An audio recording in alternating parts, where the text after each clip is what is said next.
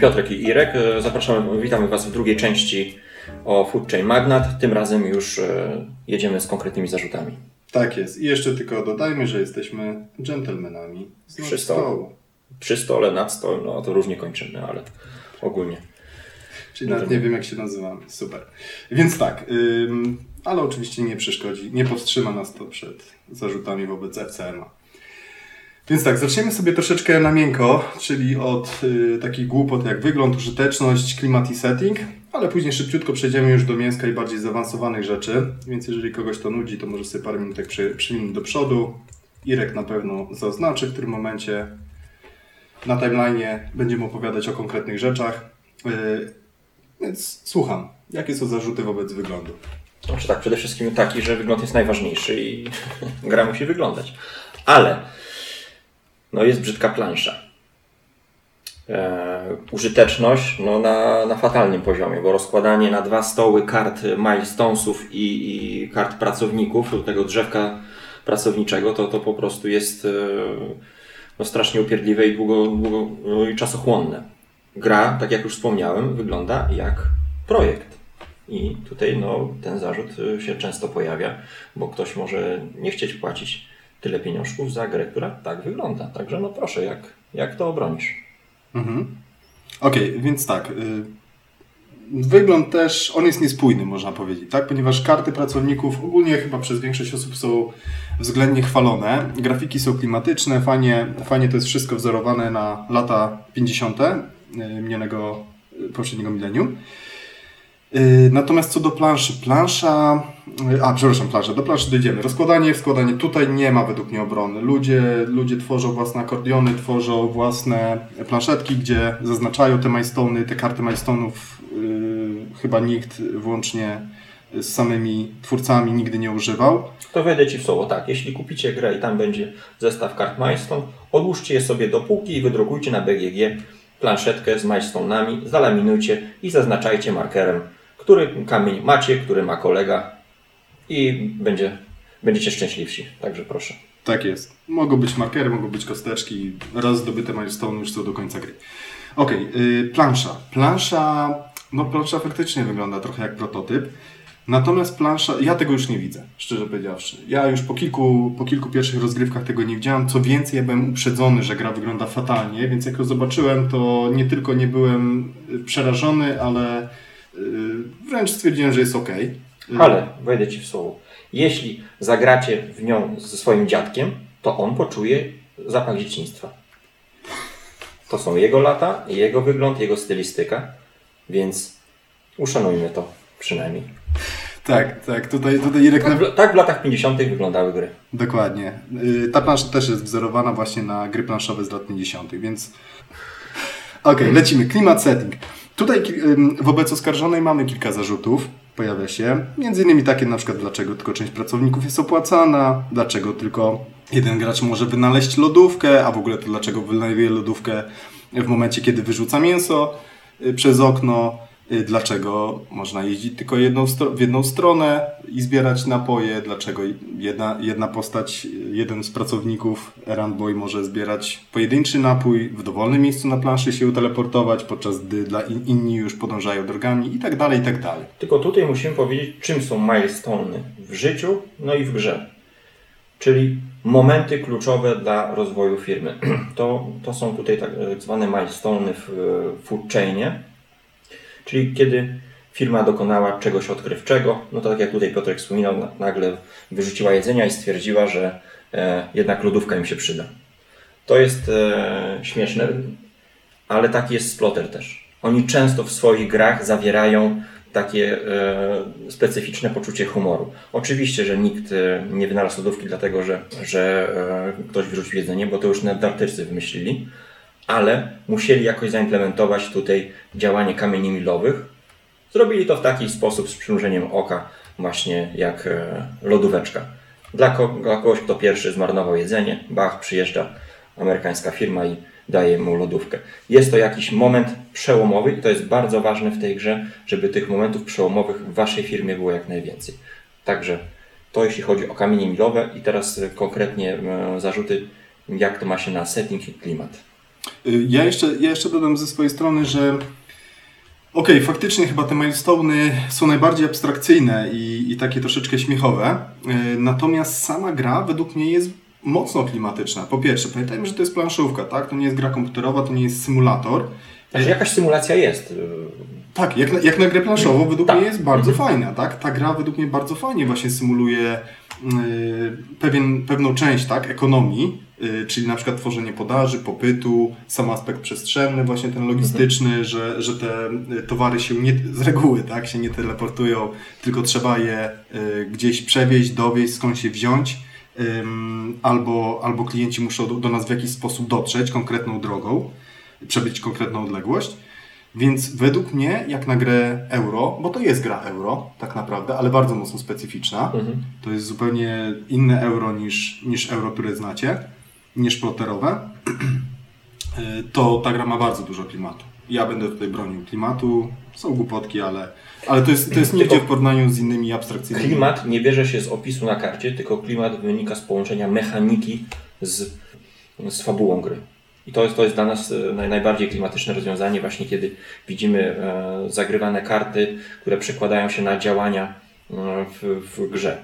Więc o, oczywiście, no, Tak, mamy pracowników, prawda? Pracowników, których wysyłamy do pracy. Oni konkretne zadania realizują, czyli y, kucharz, który specjalizuje się w pieczeniu pizzy, no nie usmaży nam hamburgera. Niestety takie jest życie. On jest, tak, on jest master. szefem. On jest szefem, on tutaj się nie skala robieniem jakiejś buły, kiedy może wykonać y, mistrzowską pizzę. No pojawia się jeszcze tutaj e, zarzut, dlaczego część pracowników może być nieopłacana. No to też można oczywiście wytłumaczyć e, fabularnie na zasadzie zatrudniamy stażystów, którym nie płacimy, albo po prostu zwalniamy pracownika po tygodniu, mówiąc mu, że e, nie płacę. tak też jest na e, polskim rynku pracy, więc nie mówcie, że nie. Dobrze. Przejdźmy troszeczkę do, do y, większych konkretów, jeżeli chodzi o grę. I może zacznijmy sobie. Tutaj już zacznie się troszeczkę mięsko. Zacznijmy sobie od zarzutów o dominujące strategie. Okay? Mamy przez dominu- I teraz powiedzmy w ogóle, o, co rozumiemy przez dominujące strategie. Mianowicie y, często w internecie pojawia się zarzut, że w momencie, kiedy któryś z graczy zdobędzie jakiegoś konkretnego milestone'a, albo uda mu się zdobyć jakiegoś konkretnego pracownika, albo jeszcze coś innego musi jako pierwszemu uzyskać, to w tym momencie gra już jest tak naprawdę zakończona. Bo Y, wygrał. tak, tak, bo wygrał. I teraz kilka z takich zarzutów już bardziej konkretnie, tak? Czyli pierwsze, pierwsze pytanie, pierwszy zarzut naszej oskarżonej postawiony, który mamy, mm, dominująca strategia lodówka. Gracz, który jako pierwszy zdobędzie lodówkę, wygrywa grę. Skąd to się bierze? Tam jest problem ogólnie z utrzymaniem jedzenia. Jest faza, kiedy wyrzucamy żywność. To znaczy to, co naprodukowaliśmy, e, nie przechodzi nam na kolejną rundę. Po prostu e, produkujemy w następnej rundzie no, nowe jedzenie. Nie, nie odgrzewamy starych frytek. O nie, nie, tutaj, tutaj to nie pozwolił. No ale jest sposób, żeby to ominąć, wprowadzić do naszej restauracji lodówkę, która pozwala nam chłodzić do 10 produktów. No i jak to ludzie odkryli, to po prostu byli w niebo wzięci. Kurczę, w końcu nie muszę e, martwić się o jedzenie na następną rundę, bo, bo mam lodóweczkę. Błąd. Musisz się martwić. Musisz się martwić o 100 innych rzeczy. To, że musisz gromadzić jedzenie, to zazwyczaj jest oznaka tego, że źle rozplanowałeś sobie rozgrywkę. Więc e, oczywiście, jeśli siadamy pierwszy raz gramy, to ta lodóweczka wydaje się, no, jakby nam spadła prosto z nieba, ale jak pogramy troszkę, to okaże się, że tak naprawdę nie potrzebujemy lodówki. Musimy grać tak, żeby mieć tego, tej żywności na, e, na przyszłą rundę sobie produkować bez potrzeby gromadzenia jej. Więc e, to, są, to jest właśnie typowy splotter. Pierwsze, pierwsze wrażenie zawsze jest zupełnie inne. Zawsze wydaje się, że jest niezbalansowane, że, że jest jakiś łatwy motyw na wygraną i to praktycznie chyba w każdych ich grach się przejawia. Także tutaj spokojnie pograjcie i bez lodóweczki dacie radę. Tak jest. Ja dodam ze swojej strony, że lodówka y, może być przydatna. Wszystko tak naprawdę, tutaj większość rzeczy, na, na większość tych zarzutów odpowiedź jest taka, że to zależy. Wszystko wszystko zależy od, tak, od kontekstu, od konkretnej sytuacji na, na naszej planszy. Natomiast y, lodówka, no co z tego, że mam lodówkę? Lodówka pozwala mi zaoszczędzić y, na pracownikach, tak? W sensie nie muszę wysyłać danego pracownika, jeżeli już mam wcześniej wyprodukowany dany rodzaj y, produktów, ale w dalszym ciągu ja muszę y, stworzyć popyt, zapotrzebowanie na te produkty. Ja muszę wygrać jakąś konkurencję, jakąś być może walkę cenową z y, przeciwnikami. Pozwala zaoszczędzić y, na sloty, tak? y, miejsca i wysłać jakiegoś innego pracownika do pracy, ale w dalszym ciągu musimy stworzyć zapotrzebowanie, musimy wygrać walkę cenową, musimy być może, być może zapotrzebowanie, które będzie w danym momencie stworzone na planszy, produkty, które będziemy mieli w lodówce będą niewystarczające, więc to jest mnóstwo rzeczy, które mogą spowodować, że samo posiadanie lodówki jest przyjemnym, y, tak naprawdę luksusem, który nic nam nie daje i w dalszym ciągu y, nie sprawia, że, że zaczynamy wygrywać y, w partii. No, cięższym zarzutem jest ten e, pracownik, który daje nam 50% e, zarobków. CFO. Tak, do, do, do, czyli tyle, ile zarobimy, plus jeszcze 50%. No tutaj e, nie jest to już tak łatwe w, w obaleniu jak w, z lodówką, bo rzeczywiście to zastrzyk gotówki bardzo mocny. No ale zdarzało mi się przegrywać już mając nawet CFO.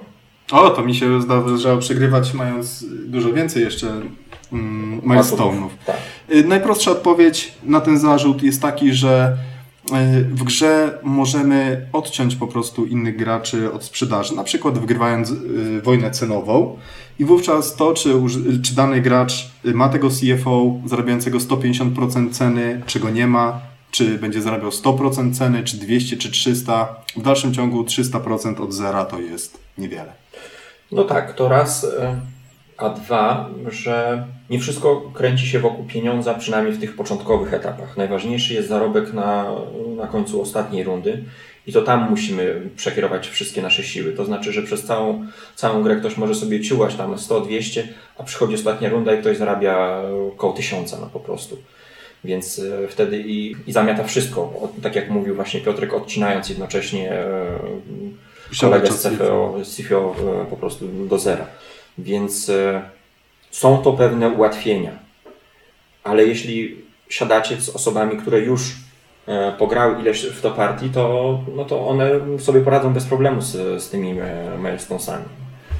Także wszystko jest sytuacyjne, wszystko może nam pomóc, ale nie liczcie na to, że coś na, za nas wygra e, tę grę, że zdobędziemy po prostu jedną rzecz i, on, i ona już e, do końca gry nam e, zapracuje na zwycięstwo.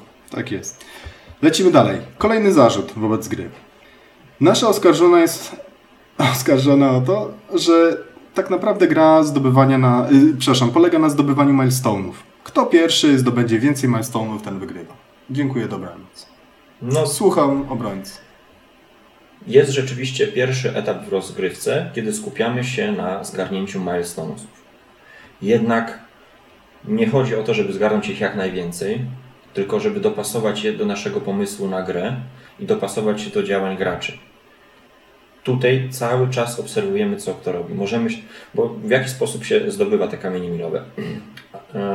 W ciągu jednej rundy ktoś może, e, może odpalić taki kamień i wtedy zgarną je wszystkie osoby, które zrobiły daną rzecz. Powiedzmy, jest Zrealizować jakąś rzecz. powiedzmy, Wyrzucić jest- jedzenie, wyprodukować pierwszemu no burgera. tak, jeśli trzy osoby zrobią to w jednej rundzie, no to trzy osoby dostaną ten kamień milowy i y, idziemy dalej z grą. Jednak podejmując y, każdą rundę, musimy zdecydować się na pewne działania, które chcemy w tej rundzie przeprowadzić. Jeśli jesteśmy pierwsi w tej rundzie, no to nie będziemy widzieli, co, kto, co wybiorą inne osoby. Mogą się pod, podłączyć do nas pod ten pociąg i pójść wszyscy powiedzmy w ten billboard, a mogą wybrać y, inną ścieżkę. Więc y, to nie jest tak, że chcemy ich zdobyć jak najwięcej. Jest to decydujący moment w grze, ale dużo jest takich mom- momentów decydujących w tej grze, jak sensownie e, roze, rozegrać tutaj e, zdobycie kamieni milowych, ale nie chodzi o ilość, tylko o jakość.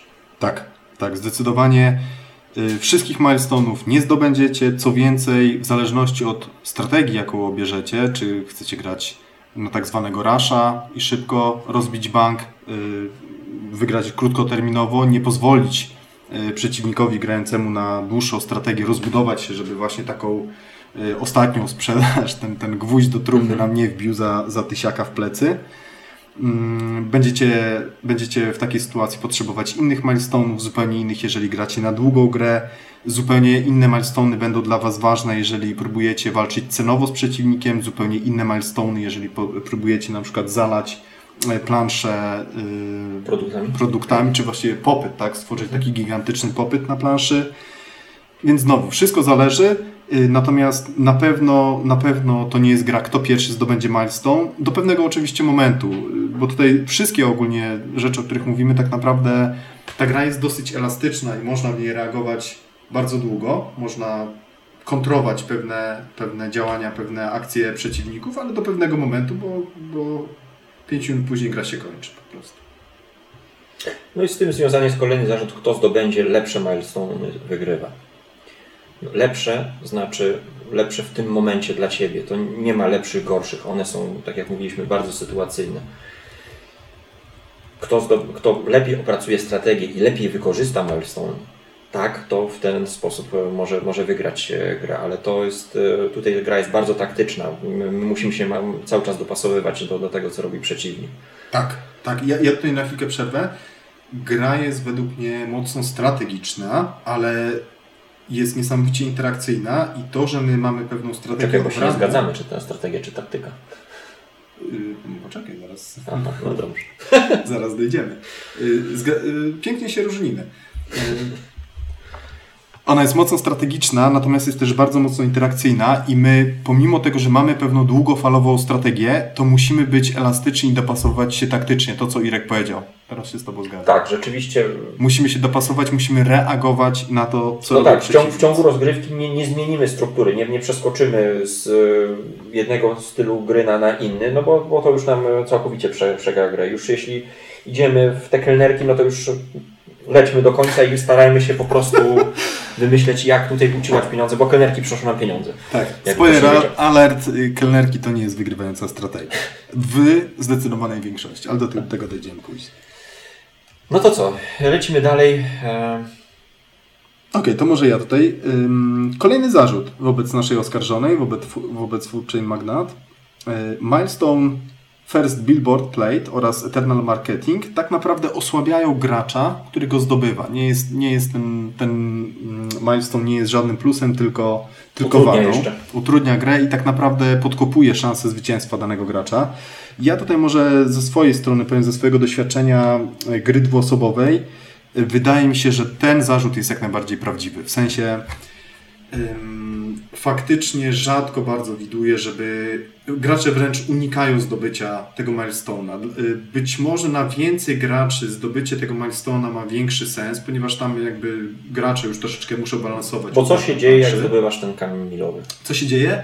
Yy, dzieje się kilka rzeczy. Po pierwsze, każdy marketing, każdy marketingowiec, którego wyślemy do pracy, który będzie reklamował nasze produkty, jest darmowy, co jest fajne. Mhm. Natomiast minus jest olbrzymi, mianowicie każdy wysłany marketingowiec już w nieskończoność będzie reklamował dany produkt. Olbrzymim minusem jest fakt, że yy, nie mamy tego elementu zaskoczenia. W sensie wiadomo cały czas, kto, co będzie reklamowane możliwość zmiany produktu, wpływania na to, jakie produkty w którym momencie są reklamowane, w którym miejscu, to jest olbrzymia broń w tej grze. Mhm. W momencie, kiedy zaczynamy w nieskończoność wystawiać y, takich marketingowców, y, to, to na późniejszych etapach gry tak, może, może mieć sens, ale na początku gry nie ma. Najczęściej osłabiamy i to dramatycznie osłabiamy swoją pozycję, zdobywając taki, y, zdobywając taki milestone. Okej, czyli co, no, najlepiej jakby go nie było? Mm, nie, nie, tego nie powiem. Na dwóch graczy raczej się tego omija, Mhm. z mojego doświadczenia. Nie wykorzystuję go, więc może na dwóch graczy faktycznie on, on nie jest dobry. Na więcej graczy może mieć sens. Tutaj za mało mam doświadczenia w grze 3 i więcej osobowej, żeby, żeby móc jednoznacznie y, się określić. Chociaż ja pamiętam, że korzystałem y, z niego. No a ile razy wygrałeś? No dobrze, to już przejdźmy do następnego e, zarzutu. Mm, Milestone First Radio Campaign. Tak jest. Kolejny zarzut jest taki, że wobec naszej oskarżonej jest taki, że y, jeden z ostatnich milestone'ów na, na marketingu, czyli y, gracz, który jako pierwszy wystawi radio, y, ma możliwość później do końca gry, za każdym razem, gdy reklamuje jakieś produkty radiem, reklamować po dwa produkty naraz. I zarzut jest taki, że w drugą stronę, tak? Czyli, że dzięki temu, ponieważ radio ma olbrzymi zasięg, w grze dwuosobowej wręcz zasięg całej planszy mhm. może być, ale ogólnie mamy, mamy olbrzymią jakby kontrolę nad, nad generowaniem tego popytu. Ma olbrzymi zasięg, ma niesamowicie, y, ten marketing jest mocny, bo on będzie zawsze miał najwyższy priorytet, czyli mamy praktycznie zagwarantowane, że y, te produkty faktycznie dowiedzą się o tym y, potencjalni nabywcy, a jeszcze dodatkowo, że możemy naraz reklamować globalnie z pierwszeństwem i jeszcze dwa produkty, to że ten milestone jest zbyt mocny. No i ja tutaj powiem, że powiem, że mam y, ambiwalentne uczucia co do tego milestone'a. W sensie on jest faktycznie bardzo mocny potencjalnie. Bardzo często mi wygrywał grę. Bardzo często na przykład strategia na, na długoterminowa strategia na, na trenera, do tego też dojdziemy troszeczkę później, yy, zakładała użycie tego, tego radia właśnie z reklamowaniem podwójnych produktów. Natomiast jestem praktycznie przekonany, że znów można, można wygrać grę nie posiadając tego milestone'a. Pierwszy case, po prostu jeżeli jesteśmy drugim graczem, to mamy informację o tym, jakie produkty będą reklamowane, tak? Czyli puszczamy gracza z, z tym, z tym milestone'em First Radio Campaign przodem. On puszcza jakąś reklamę, my się dopasowujemy, odpowiednich sobie pracowników zatrudniamy, y, odpowiednią produkcję tworzymy i dalej możemy wygrywać cenowo y, albo, y, albo zaniżając cenę, albo ewentualnie jeżeli mamy... Tylko zobacz, zwróć uwagę na jedną rzecz, to będzie taka ogólna do tych wszystkich zarzutów, że masz kilkadziesiąt y, partii na koncie i nie jesteś jednoznacznie w, stanie powiedzieć, nie, to jest y, złe, bo wciąż masz y, z tyłu głowy taką, takie doświadczenie w, w graniu w splotery, że ta gra może Cię zaskoczyć. Że nagle się okaże, że ta lodówka, z której się śmialiśmy, rzeczywiście jest zarąbista w pewnych sytuacjach. I to jest głębia tych gier. Ludzie grają to po kilkaset partii i nie mówią, to jest do wyrzucenia. To jest te zarzuty, które, które, które omawiamy, to są zazwyczaj zarzuty osób po, po kilku, kilkunastu partiach. A osoby, które grają w to więcej, no podchodzą z dużo większą pokorą już e, do tej gry i to jest niesamowite w, e, nie tylko w uczeniu, ale w ogóle w tego rodzaju grach, że mówimy, no okej, no wydaje się mocne, ale, ale wolę jeszcze pograć trochę. Tak, tak, tutaj zdecydowanie się zgadzam. Co więcej, ja jeszcze jedną rzecz. Mówisz o tym, że mam pokorę wobec gry, że nie jestem przekonany, że gra, że, że dany milestone w danej w, w uczeniu jest zbyt mocny, albo jest zbyt mocny, albo nie jest zbyt mocny. Ale co więcej, to tak naprawdę zależy od graczy. Tak, Te to jest wszystkie tego gry, szplotery, Foodchain przede wszystkim, znaczy nie, nie przede wszystkim, ale, ale również, one są niesamowicie interaktywne, one tak naprawdę są player driven. To gracze sterują grą, to gracze sterują tym, co się w tej grze wydarzy. Powoli zdradzamy zapowiedź, dlaczego to nie jest gra solo. Delikatny spoiler. Ym, więc, więc y, jakby nawet sama, sama zmiana y, środowiska, tak? zmiana tego group thinkingu, który może się pojawić, jeżeli gramy często w tym Jednym samym składzie, potrafi niesamowicie zmienić, odświeżyć spojrzenie na tą Bo grę. tak samo w Dixicie mam. Tak jest, to, to następnym razem o Dixicie będzie Food Chain versus The Dixit. mm, Pojedynek No i gigantów. to, co jest piękne, tutaj to jeszcze się wtrącę, to modularna plansza. My tą planszę układamy sobie przed każdą rozgrywką, a to jest już zupełnie co innego. Ale tak, dobra. tak, ale to do tego jeszcze też sobie Tak. dojdziemy. Y, Okej, więc wracając do samego First Radio Campaign, można na pewno pokonać, y, jest, jest co najmniej kilka sposobów. Y, Przewidzenie tego popytu, po prostu y, ustawienie kolejności gracza jako ten re reaktywny, który będzie miał informację, co jest reklamowane y, i walka cenowa na ale, przykład. ale kochani, Albo- musicie dojść do radiowca. To wcale nie jest takie hop siup tralalala. I nie zbankrutować do tego czasu, znaczy zbankrutować w sensie no, nie odpaść z gry. Bo parcie powiedzmy idę tylko na radiowca, żeby go sobie postawić i wyprodukować e, ten kamień milowy, no to nie jest do końca najlepsza strategia. To wszystko musi być obudowane pomysłami. Ja nie mogę tylko się sobie patrzeć na kartę radiowca i do niej dążyć, tylko muszę cały czas patrzeć na mapę, co się dzieje, co inni gracze robią. To nie jest takie proste. Tak, tak, zgadzam się. Natomiast tutaj będę polemizował, że to jest do zrobienia. To jest jak najbardziej do zrobienia, tylko musisz mieć plan od początku. To nie w pierwszej partii, nie w drugiej, nie w pewnie nie w 15. No. Chyba, że jesteś naprawdę, naprawdę, naprawdę bystry. I Okej. szybciutko łapiesz te gry. Dobra, lecimy dalej. E, A, i kolejny jeszcze e, zarzut wobec tej gry, jeżeli chodzi o dominujące strategie. Mianowicie e, ta gra na początku jak wyszła, ona była reklamowana, ja pamiętam pierwszy raz jak się o niej dowiedziałem, tutaj kudos dla Kamila Urloka z forum, była reklamowana jako taki ekonomiczny sandbox, w sensie, że mamy mnóstwo tych pracowników, mnóstwo specjalności i możesz... Drzewka takie. No, no, Tak, no, możesz, i możesz zacząć. Tam masz tych pracowników, trzeba by policzyć. Pewnie jest 15 rodzajów, każdy jest inny, Mhm. każdy się w czymś specjalizuje. Możesz różnie zaczynać tę grę, w różne strategie pójść, różne milestone zdobywać. I y, teoretycznie co nie zrobisz, to coś fajnego będzie. Tak, pobudujesz te, te Ale szlaki. to, to wszystko to, są, to jest e, hype wyprodukowany przez graczy, bo Splotter nie reklamuje swoich gier. To, to nie jest na zasadzie sajta wrzucamy e, co, co, codziennie dwa, albo najlepiej trzy razy dziennie na Facebooka zajawkę, czy, czy wykupujemy reklamę na, na BGG. Nie, oni dają produkt, poradźcie sobie z tym sami, my umywamy rączki. Mhm. Także to, co mówisz, to jest taki troszkę hype wygenerowany Tak. przez e, graczy, którzy tak się domyślali. No może tak, może tak będzie. To jest jedna rzecz. Druga rzecz to jest hype wy, wygenerowany przez graczy, którzy dopiero zagrali jedną, dwie Tak. partie i faktycznie, że tak powiem, się zachłysnęli tak? tą, tą, tym, ym, tym bogactwem, tych różnorodnością pracowników. Natomiast w pewnym momencie, jak gracze troszeczkę więcej w to pograli, zwłaszcza ci właśnie bardziej doświadczeni, to doszli do wniosku, że tak naprawdę zaczęli sobie wyliczać, ponieważ w grze jest, mamy zero losowości, mamy zero ukrytych informacji, wszystko jest informacją jawną, więc to, ta, ta, te rozgrywki bardzo szybko jeżeli gracze są kompetytywni, to, to stają się takie szachowe. I bardzo szybko gracze sobie wyliczyli, że no tak naprawdę wszystko fajnie, możemy sobie dowolnego pracownika na dzień dobry zatrudnić, ale właściwie jedynym, i to nie właściwie, ale dosłownie jedynym sensownym otwarciem jest recruiting.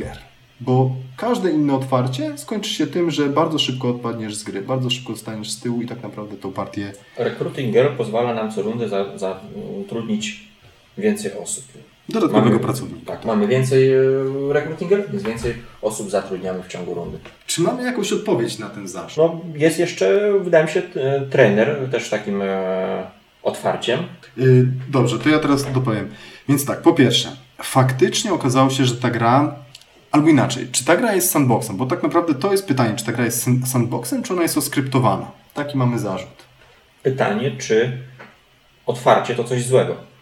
Właśnie, i odpowiedź moja jest taka, że jest połowicznie tak, połowicznie y, inaczej. Mianowicie faktycznie, i to jest coś, co mi się nie podoba u Szplotera, to poprawili być może już w dodatku w ketchupie, ale to może kiedyś o tym sobie porozmawiamy. Faktycznie w tej grze są de facto dosłownie dwa y, sensowne otwarcia. Być może na więcej graczy jeszcze można otworzyć sobie grę marketingowcem, ale w grze dwuosobowej to są maksymalnie dwa otwarcia, czyli recruiting girl lub trener. Tylko mówimy tu już o mm, graczach, którzy pograli no, kilkadziesiąt partii. Tak, nie, to ale nie do- są do- otwarcia Dla, dla, dla kogoś, kto siada do tej gry. Tak. Y, Jeżeli ktoś dopiero zaczyna swoją przygodę z grą, tylko recruiting girl bym powiedział. Zdecydowanie więcej będzie miał przyjemności na początku z uczenia się tej gry, więcej frajdy. Jeżeli ktoś lubi wyzwania, to Treneiro. Y, Ale właśnie, ale wracając, czyli otwarcia faktycznie są dwa, natomiast i to jest taki zarzut, że no dobrze, czyli gra jest oskryptowana, tak? Można tylko na dwa sposoby zacząć grę. Być może na więcej osób jeszcze marketingowiec, ale z tego co wiem też nie. Ale moja odpowiedź jest taka, że pierwsza runda, kiedy właśnie wybieramy sobie pierwszego pracownika, to jest tak naprawdę y, taki interaktywny setup, gdzie teoretycznie moglibyśmy, mogliby szploterzy zdecydować, że słuchajcie, na początku gry każdy sobie wybiera, czy otwiera, czy zaczyna Tak. grę z jedną recruitinger, czy z trenerem i cześć, dziękuję, dobranoc. A zamiast tego oni dodali interakcję, ponieważ teraz możemy reagować sobie, w zależności od tego, czy jesteśmy pierwszym czy drugim graczem, możemy reagować na to, w jaki sposób właśnie grę otwiera przeciwnik i się dopasować. Tak? Już zaczynamy na etapie de facto takiego rozwiniętego, interaktywnego setupu kontrować kontrować y, strategię tak naprawdę, bo, bo już pierwszy pracownik determinuje strategię naszej grze, y, kontrować jego zagranie i prawda jest taka, że o ile pierwsza runda, gdzie zatrudniamy pierwszego pracownika, to jest po prostu rozwinięty setup, druga runda, od drugiej rundy już można powiedzieć, że się zaczyna gra, bo już w tym momencie, kiedy albo wybrałeś recruitinger, Wasze albo drogi zaczynają trenera, się rozjeżdżać. tak, drogi i tam już jest kilka, co najmniej kilkanaście tak naprawdę, myślę, strategii, które możesz grać. Yy, a już od trzeciej rundy, od trzeciej rundy to już, już, już się zaczyna sandbox. Mhm. Już się zaczyna sandbox. Czyli de facto można powiedzieć, że pierwsza runda na pewno, druga można jeszcze też by zaryzykować, że jest takim interaktywnym setupem gry. Interaktywnym setupem. Tym bardziej, że te rundy są błyskawiczne, więc to naprawdę można liczyć jako setup. A od trzeciej rundy już faktycznie gra się zaczyna. I co ciekawe, ja liczę właśnie, że ta gra się mniej więcej od trzeciej rundy zaczyna, bardzo często kończy się już w siódmej rundzie. Czyli bardzo często to też, to co jest fajne, jakby długość rozgrywki możemy sterować, czy gramy na długą grę, czyli powiedzmy 8, 9, czasami jeszcze więcej rund, ale to już troszeczkę patologia jest, do tego dojdziemy. E, Czy chcemy grać właśnie na krótką rozgrywkę, 7 czy no, 6-rundowe, to raczej ciężko rozbić bank, chociaż jeżeli bank jest mały, to, to pewnie da się i, i właśnie w krótszym czasie e, go rozbić. Więc mój, moja odpowiedź jest taka, że ta gra według mnie jest sandboxowa, tylko ma rozwinięty setup, co ja bardzo sobie cenię, bo to są dodatkowe decyzje Mhm. niesamowicie ważne, niesamowicie ważące na tym, co w tej naszej grze, w naszej rozgrywce się wydarzy. No to co, przechodzimy do najcięższego kalibru, czyli taki wspólny zestaw zarzutów, który nazwaliśmy brutalna, bezlitosna, wyniszczająca interakcja. No, jak widać, oskarżona ma trochę na sumieniu. No, ale zacznijmy po No, kolei. hola, hola, zobaczymy, to się okaże. Wysoki sądzie, pierwszy zarzut. Gra nie wybacza błędów. No nie wybacz. Dziękuję. Nagraliśmy podcast na Gentlemanie przy stole. Okej, no Ale oni piszą na tym na stronie, że ich gry nie wybaczają błędów. Nie podoba Ci się, nie kupuj. No, a kto czyta na stronie? no to mówimy my. Naprawdę, ta gra nie wybacza błędów. No i żyj z tym. No. Fajnie by było, jakby gra mi dawała 5 punktów na starcie za, za wyjęcie ją z pudełka planszy, kolejne 5 za, za, za wybór kolorów, no ale ona nie daje tego. No. Jeszcze daje po, po głowie, jak, jak, jak się pomylisz. Niestety, ta gra faktycznie nie wybacza błędów. Przy doświadczonych graczach jedna akcja w grze, dosłownie jedna akcja w grze przegrywa ci całą partię. Partie natomiast nie są zbyt długie, z dodatkiem już w ogóle są dużo bardziej dynamiczne jeszcze i szybkie, ale do tego dojdziemy sobie kiedyś. Pojedynczy błąd w grze, pojedyncza błędna decyzja wygrywa. Z, z reguły przy, przy bardzo doświadczonych graczach decyduje o tym, czy ktoś wygra partię, No czy i nie. pytanie, czy jest sens grać w taką grę? Nie wiem, dojdziemy do tego później. Czy można mi czerpać przyjemność z takiej właśnie rozgrywki? No ale dobrze. To jest bardzo dobre pytanie, ale jeszcze, jeszcze podtrzymajmy. W... Ale tak, utrzymujemy ten zarzut, że Gra nie wybacza błędów. gra się nie pitoli. Zdecydowanie nie wybacza. Ok, kolejny zarzut. Wysoki sądzie. Oskarżona jest, gra FCM jest oskarżona o to, że grę można już przegrać na etapie setupu w momencie, kiedy wybieram miejsce, w którym postawię restaurację, albo w pierwszej rundzie, jeżeli na przykład złego pracownika zatrudnię, albo złego pracownika względem pracowników, który, in, który, których inni gracze wybrali, albo w drugiej rundzie, kiedy zatrudnię złego pracownika. Jak to wygląda? Słucham. No myślę, że to jest taki trochę urban legend już, to, to, no, to urosło do takiej legendy właśnie e, na temat e, food chaina. Po prostu ma, ma złą reputację. Nie wiem, nie, nie, nie wydaje mi się, żebym kiedykolwiek przegrał przez złą, e, wybór restauracji. No zazwyczaj jesteśmy w stanie zobaczyć sobie. Oczywiście, jak ktoś siada zupełnie zielony, no to tak. I ktoś mu dobrze nie wytłumaczy, o co chodzi w tej grze, no to to rzeczywiście może po, postawić sobie na Gwizdowie ten swój domek i, I nie nie, zrobić nic. Mhm. Ale no jeśli ktoś już dostał dobrze przygotowany do tej gry, no to widzi, policzy sobie paluszkami, aha, tutaj mam do, mm, do domku tyle kroczków, tutaj mam do, do parku tyle, okej, stawiamy się tutaj, zobaczymy co dalej będzie. Tak, tak. Y, Natomiast ja się zgodzę. Zgodzę się, że y, tutaj pomoc innych graczy jest potrzebna, natomiast zarzut według mnie jest utrzymany i jest prawdziwy. Tu można przegrać grę już na etapie setupu. Gdzie przez Ale to mówimy o sytuacji takiej skrajnej, gdzie ktoś naprawdę e, bez zastanowienia położy, nie, nie posłucha, co mu tam e, mówił kolega, dobrą radę dawał, tylko po prostu klepnie gdzieś tą, tą restaurację. A ty ufasz kolego? No szczególnie tak, tym, z którym gram Food no to, to tak. Można, da- jak ktoś się postara, tak, to można, można przegrać e, na samym początku. Kolejny zarzut. Słuchamy, panie prokuratorze. To już jest ten, ten zarzut o non-stop obserwowanie przeciwników. To, mo, no, Jeszcze wcześniej jeszcze mamy też.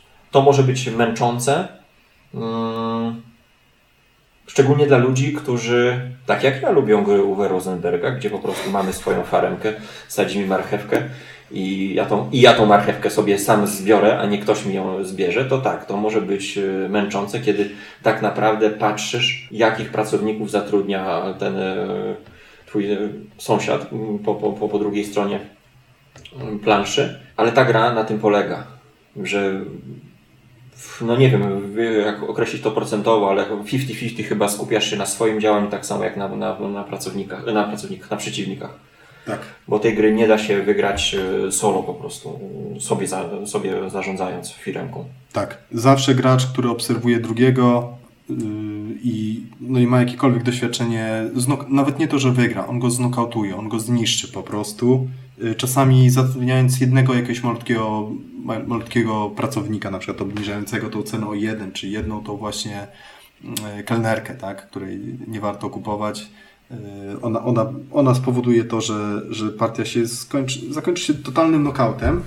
I tak jak wcześniej powiedziałem, że to nie jest gra dla eurodziewczynek, tak również to nie jest gra dla yy, graczy, dla, dla fanów sudoku, układania sudoku, że siedzę w swojej planszetce i coś tam sobie skrobię, liczę sobie, yy, wyliczam, rozwiązuję jakieś fajne yy, zadania matematyczne z, z sumowaniem liczb do 10 czy 20. Yy, No nie, tutaj to jest za mało. Jeżeli nie będę obserwował przeciwnika i interesuje mnie wszystko, absolutnie wszystko mnie interesuje. Jakich pracowników w danej rundzie y, dany gracz zatrudnił, kogo, y, kogo wytrenował, kogo, komu podniósł kwalifikacje, na jakie konkretnie pozycje, czy jest zagrożenie, że podbierze mi jakichś y, pracowników z rynku, którzy są, których dostępność jest ograniczona, gdzie ma tą restaurację, co wyprodukował, co będzie produkował, jakie mam możliwości. Na przykład informacja to jest też rzecz często pomijana przez mniej doświadczonych graczy. Informacja o ręce przeciwnika, o jakby całej kadrze pracowniczej przeciwników jest jawną informacją. W każdym momencie w trakcie gry macie prawo zażądać, żeby przeciwnik pokazał wam wszystkich pracowników, których ma Tak, potencjalnie dostępnych. Poza tak? momentem y, wysyłania pracowników do pracy, tak, w każdej chwili możecie się Znaczy dopytać. informacją tajną jest, kto został wysłany do pracy, Aha, ale okej, wszyscy, tak, tak. kto jest dostępny, jest zawsze, w każdym momencie w trakcie partii, kogo potencjalnie można wysłać, jest, jest to informacja jawna Znaczy, i jest niezmiernie ważna, Znaczy, żeby no, to no, ale w, w tym momencie nie możesz poprosić, pokaż mi, kto nie został wysłany, tylko no tak, w tym momencie nie możesz zerkać e, Tak, do ale, tak, tak, tak, tak. No, no, bo, bo, bo tak mógłbyś odgadnąć, kto został zatrudniony, gdybyś mógł zajrzeć, e, kto nie został. No ale to już e, takie szczegóły. Także możemy dalej przejść do, do, do kolejnego. I jeszcze, no, jeszcze jeden, ten mały jeden żeśmy tak? przez, prze, przeskoczyliśmy jeden zarzut y, i tutaj znowu pozdrowienia dla y, Kamila Urloka, ponieważ zarzut jest taki, że Wysoki Sądzie oskarżona, y, jednym z zarzutów wobec oskarżonej jest fakt, że grając w nią można na przykład dwuosobowo przegrać partię dosłownie 0 do 500. Dosłownie 0 do 500. Ja nie, ja to- nie przegram. Czyli to nie jest zarzut z internetu, tylko tutaj e, z konkretnej... Kole, kolega mi tak, opowiadał, że tak, tak się zdarzyło. opowiada, tak? Tylko. Tak mówił. I miał łzy w oczach. Yy, więc zarzut jest nie, nie tylko o to, że można przegrać partię 0 do 500, bo to jeszcze może byłoby do przełknięcia, chociaż nie dla wszystkich. Ale co gorsze, że przez tą no pewnie godzinę gry około takiej dwuosobowej partii można dosłownie przez godzinę nie móc zrobić absolutnie nic. Przez jeden mały błąd bardzo często. Nie móc po prostu kwiknąć. Yy, dlatego, że przeciwnik nas właśnie w czymś ubiegł, że my tak naprawdę, że my popełniliśmy pewien błąd, czy nie obserwując przeciwnika, czy ignorując jego zachowanie, czy popełniając jakiś błąd. Znaczy ja się z tym do końca nie zgodzę, Mm, bo nic to dla mnie jest siedzenie, nie robienie nic. Ale ty zawsze masz możliwość próby wsadzenia w, e, kija w szprychy przeciwnika. Wiesz, że nie wygrasz tej partii, ale w ten sposób się uczysz i poznajesz grę. Więc e, no, jeśli podejdziemy do tej, do tej partii z pokorą, po prostu będziemy chcieli się nauczyć jak najwięcej, no to rzeczywiście nie, może nie, nie, nie wygramy tej partii, na pewno nie wygramy, ale zobaczymy na następną partię, nauczymy się czegoś, e, czegoś więcej. I to jest, e, Honoru już też nie no tak, no to to już wiadomo, to siadając do, do partii z niektórymi ludźmi, to już na to musimy się po prostu zdecydować. Ale ta gra jest e, o tym, żeby ją poznawać, uczyć się niej, nie, nie odpuszczać, nie rezygnować, albo zresetować partię i zacząć od nowa, albo po prostu grać, no i bo Żaden, żaden tutorial, żaden filmik nie, nie da Wam po prostu możliwości poznania tej gry jak e, kolejne partie. No. Tak, bezpośrednie doświadczenie, to zdecydowanie. Y, Ja tutaj powiem tak, że zgadzam się z tym zarzutem. Można tę grę przegrać 0 do 500. No tak. To, Jeszcze to, raz y, antypozdrowienia dla Kamila.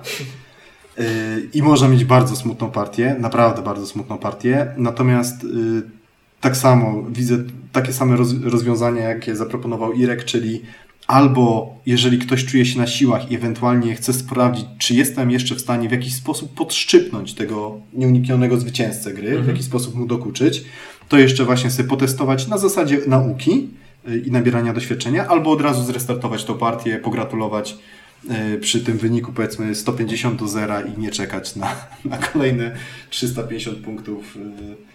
Znaczy tutaj można zastosować zarzut do, do osób uczących do tej, tej gry. No jeśli ktoś Wam wytłumaczy, siądzie z Wami, wytłumaczy Wam zasady i Was przyjedzie walcem, no to średnio będziecie mieli ochotę na, na drugą partię. To już naprawdę trzeba mieć e, twardą skórę, żeby się podnieść, powiedzieć nic się nie stało i gramy jeszcze raz. Więc e, fajnie, jeśli nie? tak, jeśli zagraliście już ileś tam partii i wprowadzacie nową osobę, no to zróbcie na zasadzie tutoriala. E, Opowiadajcie o rozgrywce, co, co ja robię. Grajcie w otwarte karty. Tak. Jaki mam plan, e, co ty możesz zrobić, przeciwdziałać, bo w ten sposób e, ominiemy kilka przykrych partii po prostu i ryzyko, że ktoś się bardzo zniechęci. Tak. Więc tutaj zarzut do, do złego wprowadzania w, świat gry Food Chaina. Tak, ale to, to też bym powiedział na obronę y, tych osób, że jakby właśnie wprowadzenie do tego typu gier po prostu wymaga też doświadczenia jakby ze, y, z innej strony, tak jak powiedzmy w nauczaniu gier. Że trzeba w nią kilka razy zagrać, kilkanaście pewnie, albo dziesiąt razy zagrać, poznać, zobaczyć, że ta gra jest jaka jest, Mhm. a nie jest lekka. To jest, to jest heavy game. To jest Bo to naprawdę nie chodzi o zasady. Tutaj, tutaj nie ma dużo zasad. To, to, to, to nie stąd się bierze ten heavy game. Właśnie to nie dlatego gramy w te gry, żeby mówić, my gramy naprawdę ciężkie gry. Nie, tylko po prostu daje, ta gra daje taką głębię możliwości. I to jest w niej niesamowite. Bez e, związywania rąk e, mechaniką, nie, niepotrzebnymi zasadami. Tylko wrzuca ludzi na głęboką wodę, no radźcie sobie. Możecie zepsuć tą grę, możecie sobie zepsuć tą partię, ale możecie e, stworzyć coś niesamowitego właśnie dzięki swojej kreatywności i pomysłom. Więc tutaj jest ten heavy game ukryty. Okej, i kolejny y, zarzut, który mm, częściowo się wiąże z poprzednim, czyli to, że można odpaść z rozgrywki na dobrą godzinę albo nawet więcej przed jej końcem. Mhm. I ja tutaj może zacznę, że tak, można odpaść, przy czym przy grze dwuosobowej według mnie to jest wręcz plus. Bo jeżeli nie widzimy żadnej szansy y, odkucia W się... przypadku gry dwuosobowej to ten czas będzie krótszy, bo godzina przed końcem to mówimy na partii 4-5 osób, bo, bo partia dwuosobowa trwa godzinę. Nie? No około godzinki, ale, ale no, przykładowo, tak? Na, No. no, powiedzmy na pół godziny, czy No. na 40 minut przed W końcem połowie partii. na partii, no nawet. Y, że, że przegraliśmy, nie jesteśmy w stanie się od, odkuć, to po prostu y, dziękujemy i albo restartujemy grę, albo sobie odpalamy zamki Burgundii. Natomiast w przypadku, to jest duży zarzut według mnie w przypadku gry 3 i więcej osobowej. Widziałem, byłem, uczestniczyłem w partiach, gdzie faktycznie jeden czy dwóch graczy y, przez dobrą jeszcze godzinę siedziało i mieli świadomość popełnionych błędów, ale mieli też świadomość tej nie, nie, tego nieuniknionego, że już nic nie zrobią w partii i że, y, że są martwi. Tak naprawdę, że odpadli z rozgrywki de facto, natomiast y, muszą dalej patrzeć, jak, jak inni się jeszcze dobrze bawią, walczą o zwycięstwo przez tą godzinkę, powiedzmy, bo partie trzyosobowe też... I to są sytuacje, które najczęściej odrzucają od gry e, potencjalnych graczy. Dlatego ja bym unikał odpalania jej na początek na, w takim składzie 4-5 osób, a zaczęcia po prostu spokojnych rozgrywek na, na dwie osoby. No bo żeby nie, tak, żeby nie skończyło się właśnie e, takim siedzeniem w kozie za karę po prostu. Tak, albo zagrania po prostu jeszcze jednej rundy szybko, tylko żeby sobie zobaczyć, kto tam na dany moment ma najwięcej pieniędzy yy, i albo restart tej gry, albo, No. albo coś innego. Dobra. Co nam jeszcze zostało? No, To, to, To mój zarzut, tak. To jest mój zarzut właśnie fana Uwe Rosenberga. Nie podoba mi się, że gra polega na niszczeniu przeciwnika. Chciałbym wybudować super działającą sieć, ale cały czas mi przeciwnik niszczy plany i przeszkadza. no Tak. tak jest, no. Takie życie. Ja poprzez przyzwyczajenie się tej gry, o tym co mówiłem na początku, waleniem głową w mur, to właśnie rozumiem ten element też. Przestawienie swojego agrikolowego myślenia, podejścia do gry na tory food chaina. To zajęło mi troszkę partii, żeby zacząć, e, no to zabrzmi tak e, masochistycznie, ale czerpać, czerpać przyjemność z dostawania e, po, po głowie, ale no, dzięki temu odkryłem, że ta gra daje niesamowite możliwości właśnie poprzez, no niestety, no, niszczenie planów przeciwnika, ale jeśli miałbym porównać powiedzmy z taką Silesną poprzez wieki, to uważam, że tam e, ta destrukcja jest dużo bardziej bolesna i e, niefajna, kiedy tworzymy sobie powiedzmy jakieś imperium i, i ktoś nam e, je rozwala. Tutaj Tutaj ta gra ma, ma w sobie e, założenie tego, że to jest rywalizacja, to jest jak, jak gra wojenna po prostu. Jak nie wiem, jak siadamy do, do skirmisza czy, czy jakiejś gry bitewnej, no to, no to przecież nie, nie zakładamy, że będziemy sobie tam te, te pola orać bronami, tylko, tylko przeciwnikiem będziemy orać. Tak samo potrzebne jest tutaj nastawienie takie do tej gry. Tak, tak, tutaj się w pełni zgodzę. Ta, ta gra troszeczkę kłamie, że jest o budowaniu sieci restauracji i sprzedawaniu burgerów. Ona jest o bez, bezkompromisowej walce z przeciwnikiem. Po trupach do celu. Rado jak grał, to płakał. Mnie interesuje to, żeby Irek nie sprzedał tego burgera, w ogóle najlepiej, albo żeby sprzedał go o tego dolara taniej ode mnie, a nie interesuje mnie to, czy ja sprzedam 50 burgerów, czy sprzedam 3. Jeżeli sprzedam o jednego dolara więcej niż Irek, to, to tylko to jest. Aczkolwiek nie wiem dlaczego do końca, ale, ale, ale dodatek e, to moim zdaniem jakoś zmienia na plus. Ale do tego dojdziemy. Ale do tego dojdziemy, tak. Tak jest. Okay. I y, jeszcze taki zarzut y, o to, że no stop trzeba pamiętać, jakich pracowników dany gracz zatrudnił, albo prosić ich, żeby im pokazywali, tak, że to jest dużo takiej buchalterii w tej grze. Tak, jest. No niestety, jeżeli chcesz wygrać grę, to interesuje Cię wszystko to, co robi przeciwnik. Absolutnie wszystko. No musicie no, wsadzić nosa w, w, w karty każdego pre, pre, przeciwnika. No, musicie pamiętać i dopytywać się, ile masz pieniędzy, e, czy rozbijesz bank już w tej rundzie, e, ilu masz tutaj tych pracowników, no ale na tym e, polega ta gra. Tak. Automa wam tego nie, nie zapewni, no niestety. Przechodzimy do następnej serii tak naprawdę zarzutów, powiedzmy szeroko nazwanych, zebranych przez nas jako powtarzalność. I pierwszy zarzut, y, gra jest oskryptowana, jest dosłownie tylko parę dobrych otwarć, każde z nich skazuje Cię na przegraną. Tak naprawdę, szerzej już żeśmy o tym powiedzieli, y, więc króciutko tylko, y, według mnie nie, gra nie jest oskryptowana. Faktycznie na, na, etapie takiego rozbudowanego setupu mamy dosłownie dwa otwarcia, czyli tą recruitinger i mm, trenera i o tym warto pamiętać.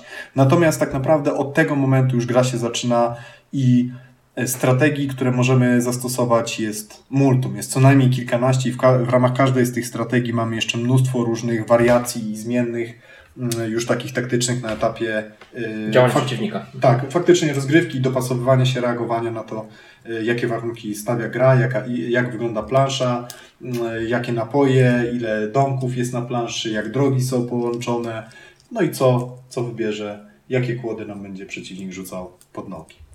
Ok, więc przejdźmy do następnego zarzutu. Czyli tak, powtarzalność e, samej gry. Czyli gra ogranicza się do kup kartę, zagraj kartę i tak praktycznie przez e, całą grę.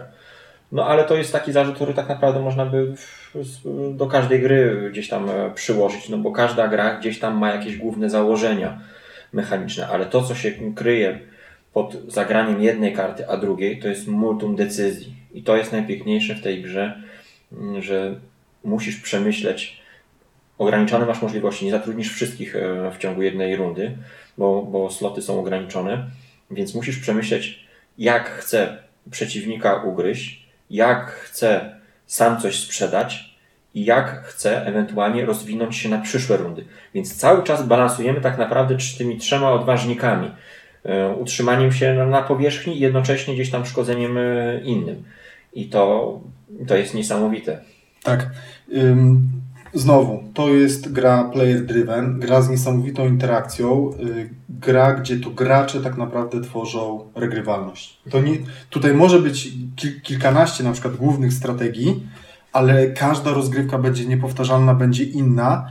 Y, I tak jak y, no, często w grach euro, nazwijmy to takich zwykłych grach euro, W większości tych gier jest jedna, dwie, czasami nawet kilka strategii. W momencie, kiedy każdą z tych strategii zagraliście, to właściwie widzieliście już wszystko. Nie. Tutaj w momencie, kiedy zagracie sobie kilka strategii, to dopiero zaczynacie w ogóle rozumieć, jak ta gra działa, jak ona wygląda, o co w niej chodzi. A sama gra analogicznie jak w szachach, tak? To gracze, to gracze tworzą tą niepowtarzalność rozgrywki i, i no, nieskończoną de facto regrywalność. Okej, okay. następny zarzut wobec oskarżonej, czyli... Gra często kończy się wyniszczającą wojną cenową, mm, gdzie gracze e, zbijają ceny no, praktycznie do zera. No i od, od razu połączymy to z kolejnym zarzutem, który jest, jeśli gra wpadnie w wir wojny cenowej, to ciągnie się niemiłosiernie długo. No i to są takie zarzuty, które pojawiły się e, do podstawki, bo rzeczywiście e, z czasem te ceny spadają coraz niżej, bo chcemy coś sprzedać aż dochodzą do, do, do zera. Mogą, może być taka sytuacja, no i wtedy nikt nie sprzedaje, bank stoi w miejscu. Gra się kończy w momencie, kiedy któryś z graczy rozbije bank. No jeśli ten bank e, stoi w miejscu, no to gra się zaczyna ciągnąć. Ja e, nie przypominam sobie takiej rozgrywki. Jestem w stanie sobie oczywiście ją wyobrazić wiem, że, że, że ludzie opisywali różne takie sytuacje. Mm, jak wyjść z takiego wiru nienawiści, podaży i popytu? No, Miałeś okazję zagrać taką partię? Tak, mm, już mówię, więc tak. Po pierwsze, jeżeli chodzi o samą wojnę cenową, mówię znowu, tutaj głównie skupiam się na rozgrywkach dwuosobowych, bo ich mam zdecydowanie najwięcej, najwięcej doświadczenia. Taka sytuacja spotykała mnie niezmiernie rzadko. W sensie zawsze walczyliśmy, jeżeli chodzi o obniżanie ceny, o, ogólnie o sprzedaż i to bezpardonowo. Natomiast rzadko kiedy ta cena spadała, powiedzmy, bazowa cena to jest 10 za każdy, każdy fast food, za każdego burgera, pizzę czy, czy napój, który sprzedamy. Rzadko kiedy ta cena spadała e, do 7, do 5, to już naprawdę rzadko. To jest jedna rzecz. E, dlaczego? Dlaczego tak naprawdę według mnie przy dobrych graczach taka sytuacja nie powinna być zbyt częsta, przynajmniej w grach dwuosobowych? Dlatego, że jeżeli jest dobry gracz, to jest w stanie przewidzieć to z wyprzedzeniem, obserwując akcję przeciwnika i zareagować z odpowiednim wyprzedzeniem na to. Na przykład zwiększając potencjalny popyt, na przykład dobudowując nowe domki, na przykład stawiając więcej reklam i na przykład sprzedając drożej, tak? Sprzedając mniej dóbr, ale sprzedając te dobra luksusowe przy użyciu e, Luxuries Managera. To jest pierwsza rzecz. Druga rzecz, y, spośród tych moich, no sumarycznie myślę, że ponad 80 partii, dosłownie raz miałem y, okazję uczestniczyć w takiej naprawdę y, smutnej, znaczy ona była bardzo ciekawa, tylko smutna była pod tym względem, że ona chyba trwała y, około 20 rund ta gra, gdzie wcześniej, tak jak mówię, z reguły gra mhm. trwała około 7-8 rund, ona trwała około 20 rund, gdzie faktycznie żeśmy wpadli w taką wojnę cenową i taki impas, że tak naprawdę w ogóle nie zarabialiśmy na sprzedaży, czy sprzedali, e, zarabialiśmy bardzo mało tylko z bonusów, z milestone'ów. E, no i wtedy przeważyły, przeważyło to, kto, tak, kelnerki, ten, kto miał dostęp do um, szefa firmy, czyli do executive vice prezydenta, a też i do CFO. Tutaj akurat CFO miał duże znaczenie i, i kelnerki przeważyły, ale faktycznie ta partia się już tak nieprzyjemnie ciągnęła, bo ale była ciekawa, była ciekawa, natomiast po prostu była długa, ale znowu w takiej sytuacji yy, wystarczy po prostu sobie szybko policzyć, kto zarabia o tego jednego dolara na rundę więcej mhm. i podać sobie ręce, dziękuję, dobranoc. Także to też jest fajne doświadczenie. Ja tego nie uznaję za wadę. Yy, według mnie to jest właśnie super, że te rozgrywki są tak niesamowicie różne, że może się skończyć tym, że ktoś zrobi jedną pojedynczą sprzedaż ostatnią za około 500 dolarów, a może się skończyć tym, że będziemy przez te właśnie 19 po 3 rund, dolary. tak, po 3 dolary czy po 5 dolarów ciłać. No to pokazuje wachlarz po prostu możliwości tej gry. No, e, ta gra troszkę jest jak, e, nie wiem... E, Przygodna. Tak, jak Morrowind i nie wiem, i gra w stylu komputerowa z lat 90., gdzie po prostu nie mogliśmy bohaterem przeskoczyć przez barierkę, mimo że przed chwilą zabiliśmy smoka bo się akurat tam kończył świat. No tutaj świat się naprawdę nie kończy, nie jest, nie jest ograniczony mm, taką twardą mechaniką, e, ograniczoną tylko do wyboru polu akcji, pól akcji, ale daje takie, ta, takie możliwości i mm, wierzcie lub nie, ale o takich partiach się pamięta naprawdę długo. Tak. Mimo, że była długa, męcząca, to jednak no, tutaj jest po prostu no, niesamowite, niesamowite wrażenia i wspomnienia. Okej, okay. przejdźmy do kolejnego zarzutu, pomalutku już do końca dochodzimy. Yy, czyli oskarżona Food Chain Magnet jest podejrzana o to, że w grze mamy tak naprawdę dwie i tylko dwie nudne, powtarzalne strategie, czyli możemy albo grać na właśnie wojnę cenową, czyli y, obniżać nasze ceny, czasami do zera, albo nawet wręcz być na minusie tylko po to, żeby uniemożliwić sprzedaż przeciwnikowi. No to jest ciekawe, bo wtedy dopłacamy do interesu po prostu. Tak. Nie, niekoniecznie. No mamy bonusy. Z... No ale może być sytuacja, że po prostu za hamburgera my płacimy. Eee... Że zejdziemy wystawiając obniżki cen. Może być duże. minusowa cena, tak. ale z reguły będziesz wtedy na czymś zarabiał, tak? Czyli mhm. albo na bonusie za samą sprzedaż danego dobra, albo z kelnerek. No tak. Mhm.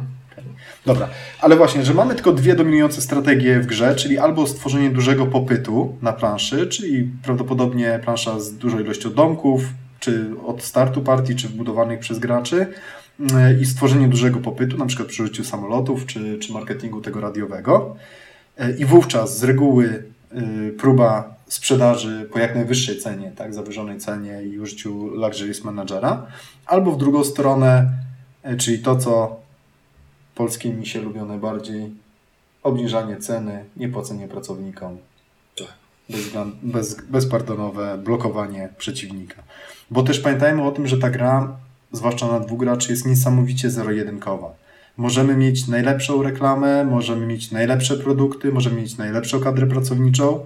Jeżeli przeciwnik będzie miał od tego jednego dolara lepszą cenę, to nikogo to nie będzie interesowało. Zmiecie wszystko.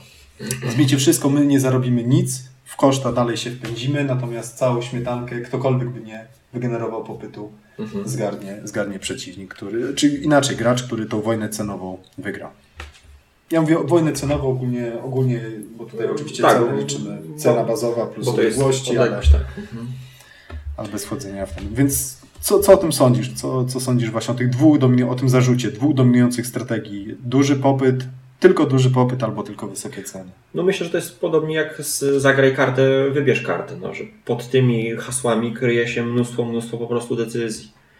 A że nazwiemy to w ten sposób, no każda gra o czymś tam musi być, no ta jest o, o cenie, o, o walce na, na rynku. No, możemy to spłaszczyć do, do, do, do, tylko do dwóch takich e, stwierdzeń, ale tak naprawdę za nimi kryje się mnóstwo decyzji bardzo ciekawych, bardzo fajnych i naprawdę wymagających myślenia. To, to, Nieoczywistych. Tak, to, to jest też jednocześnie może najbardziej frustrujące przy początkowych partiach, kiedy zupełnie nie jesteśmy w stanie sobie poradzić z zaplanowaniem tego, co chcemy zrobić. Cały czas nas ktoś ubiega, cały czas ktoś nam e, krzyżuje plany. No i, no i albo się zniechęcamy i mówimy dość, wracam do, do innego grania, do innych gier, no albo jednak to jest specyficzne w tej grze, przynajmniej ja tak miałem, ale spotkałem się też z takimi opiniami, że mimo, że y, partia się kończy, tak jak często u mnie z walką z Lenowcem Luisem, to jednak pozostaje jakiś taki, kurczę, zostaje jakaś taka chęć spróbowania ponownie.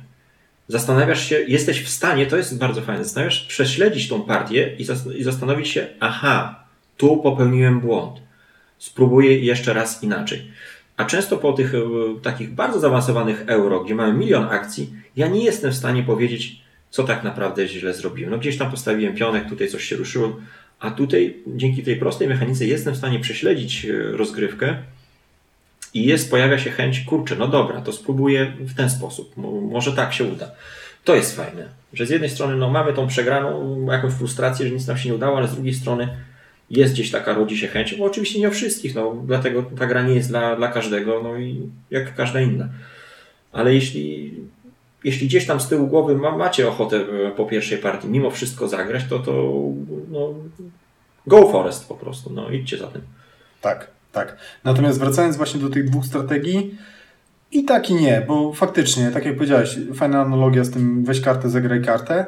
Yy, Teoretycznie tak. Teoretycznie mamy te dwie główne strategie, albo duży popyt, albo, albo wojna cenowa. Yy, ale mamy też jakby wszystkie odcienie szarości pomiędzy tym, mhm. prawda? Bo przez wojnę cenową, no to teraz pytanie, tak? Czy walczymy na budowanie nowych restauracji i zmniejszanie odległości, czy faktycznie obniżamy te ceny? Jeżeli obniżamy to do jakiegoś poziomu, tak? Czy obniżamy do poziomu około 7 dolarów, czy właśnie te ceny zejdą do zera, czy wręcz tak, poniżej? Tak, wejdę Ci w słowo, mamy narzędzia niesamowite w postaci pracowników, dewelopera, który stawia nam dom z ogrodem, e, lokal menadżera, który stawia nam nową restaurację, więc te narzędzia są niesamowite, fajne, którymi możemy się bawić. Tak jak po prostu ktoś, to sandbox, tak jak daje ktoś wam po prostu zestaw narzędzi, no i bawcie się, no wydłubiecie sobie oko albo, albo koledze, no.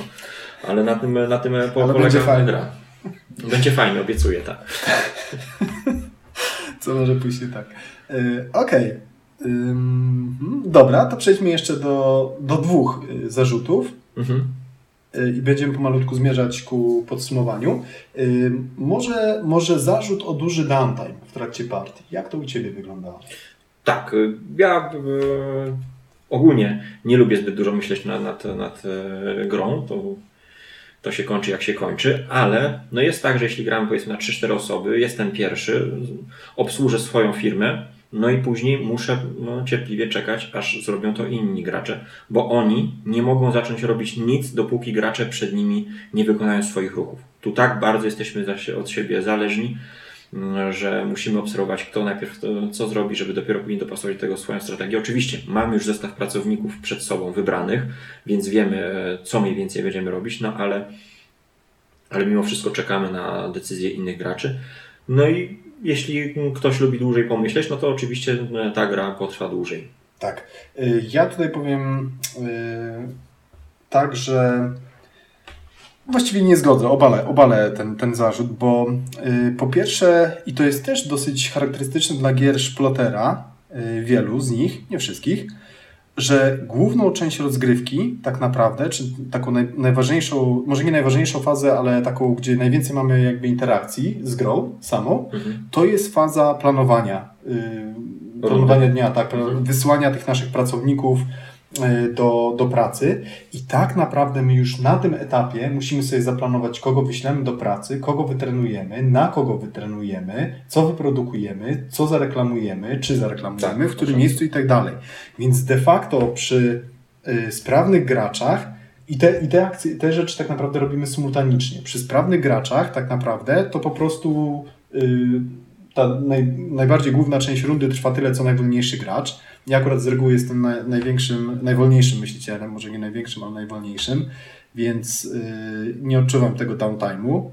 Yy, inni może bardziej, ale... Ja to odczuwam z tego względu, że siedząc po prostu jak na szpilkach i obgryzając paznokcie, no ten czas się dłuży. Okej, okay, okej. Okay. A jak siedzę i, i, tylko się modlę, kurczę, nie ten marketing, nie, nie, ten, nie, nie, niech ci zabraknie tego, liczę i powoli widzę po prostu jak gracz po graczu obala moje najlepsze miejsca do sprzedaży, no to wtedy się wtedy oczywiście po prostu chce się już iść do przodu, coś tam sprzedać, kupić, no to, to się podśmiechuje, tak, może, może też przez to się wydaje to dłuższe. Ale, ale to jest na plus, bo to są emocje po prostu, no. Tak jest. Natomiast y, dużo też zależy od strategii, w jaką pójdziecie, bo na przykład strategia na recruiting z reguły wiąże się z tym, że macie bardzo dużo tych pracowników, mhm. więc jakby zaplanowanie tej rundy, jak ma się 10 pracowników, a jak ma się 3, wygląda inaczej, też czasowo. Y, ale w dalszym ciągu musicie zaplanować całą rundę i już strategicznie patrzeć do przodu. Ja mówię oczywiście nie przy pierwszej partii, nie przy drugiej, pewnie nawet nie przy 15, mm, ale, ale później tak naprawdę decyzji, które musicie na tym etapie podjąć jest tak dużo, że nawet jeżeli macie inną strategię, na przykład trenera, gdzie macie mniej pracowników, ale bardziej wysoko wykwalifikowanych, to, to macie naprawdę na czym, na czym główkować. I to jest pierwsza część, czyli ta główna część tak naprawdę wykonujemy symultanicznie.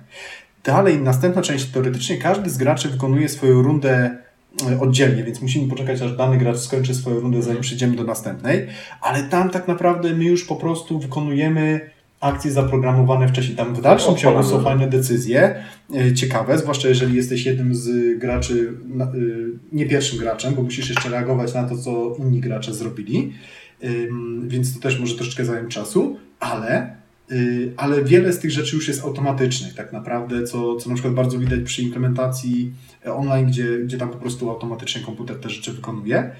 Kolejny zarzut, no tak, no i powiedzmy, że na razie tyle. Tak, przechodzimy do... I jeszcze jedna rzecz. To, to przejdźmy jeszcze, bo bo on jest troszeczkę powiązany właśnie z tym zarzutem, czyli ten, ten zarzut, że on się czasami pojawia, że no tak właściwie to trochę jest mało gry w grze, bo my, okej, mamy tą fazę, gdzie tam kupujemy pracownika, no to to jest fajna decyzja, których wyślemy tych pracowników, to jest fajna decyzja, ale później jest trening, który już po prostu automatycznie sobie przekładam karty, odkładam, dokładam sobie karty, jest produkcja żywności, gdzie po prostu wyszukuję, wygrzebuję z woreczka y, te drewienka i kładę na planszetce, później pojawia się reklama, gdzie też kładę te drewienka na mapce i tak dalej. De facto to jest taka buchalteria, gdzie tylko przerzucam karty. Nie ma, nie ma tam już decyzji, prawda? Mhm. Tylko przerzucam karty, przerzucam drewienka. Natomiast moja odpowiedź jest taka, że y, na początku, kiedy gracze jeszcze uczą się tej gry, to to jest fajne, bo jakby uczymy się ym, już na żywym organizmie, jak działa to programowanie, jak to opóźnione odpalanie akcji działa, tak? Jak ten marketing, że aha, dobra, to tu jeszcze się nie pojawiło, tylko dopiero za rundę ten burger się pojawi na tym domku i zapotrzebowanie mieszkańców tego domku na, na te burgery. Chodzi, o to, chodzi ci o to, że w pierwszych partiach może się to wydawać nudne, tak? Bo nie widzimy wszystkiego jeszcze. I, I że tego jest dużo. Tak, że tego jest dużo. No, że tego można jest to przytłoczyć, no i Tak. sprowadzić Ale- tylko do, do przesuwania Ale po pierwsze mówię, po pierwsze, yy, po pierwsze na tym etapie według mnie to jest fajne, bo yy, na żywym organizmie naocznie pokazuje graczom i uczy ich tego, jak ta gra działa, jak ona funkcjonuje. Natomiast później, jak już gracze są doświadczeni, to to jest po prostu automat. To się z tym jedzie jak Mhm. szybko w każdym razie. Okay? Więc nie wiem, czy ty masz dodania w tej kwestii. Nie, tutaj ja pełna zgoda. Możemy przechodzić do tak jakby ostatniego, ostatniej kategorii zarzutów, czyli skalowalność e, gry. Tak.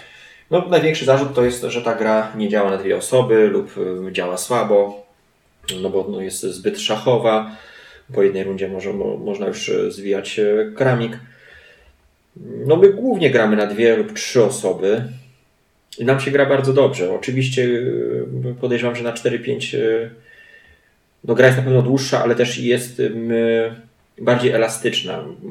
Nie jest aż tak zero-jedynkowa, bo jest tam gdzieś moment odbicia się e, czy, czy, czy wykonanie pewnego działania, którego tam przeciwnik nie zauważy, nie przewidzi. Na dwie osoby, no wszyscy skupiają się na sobie.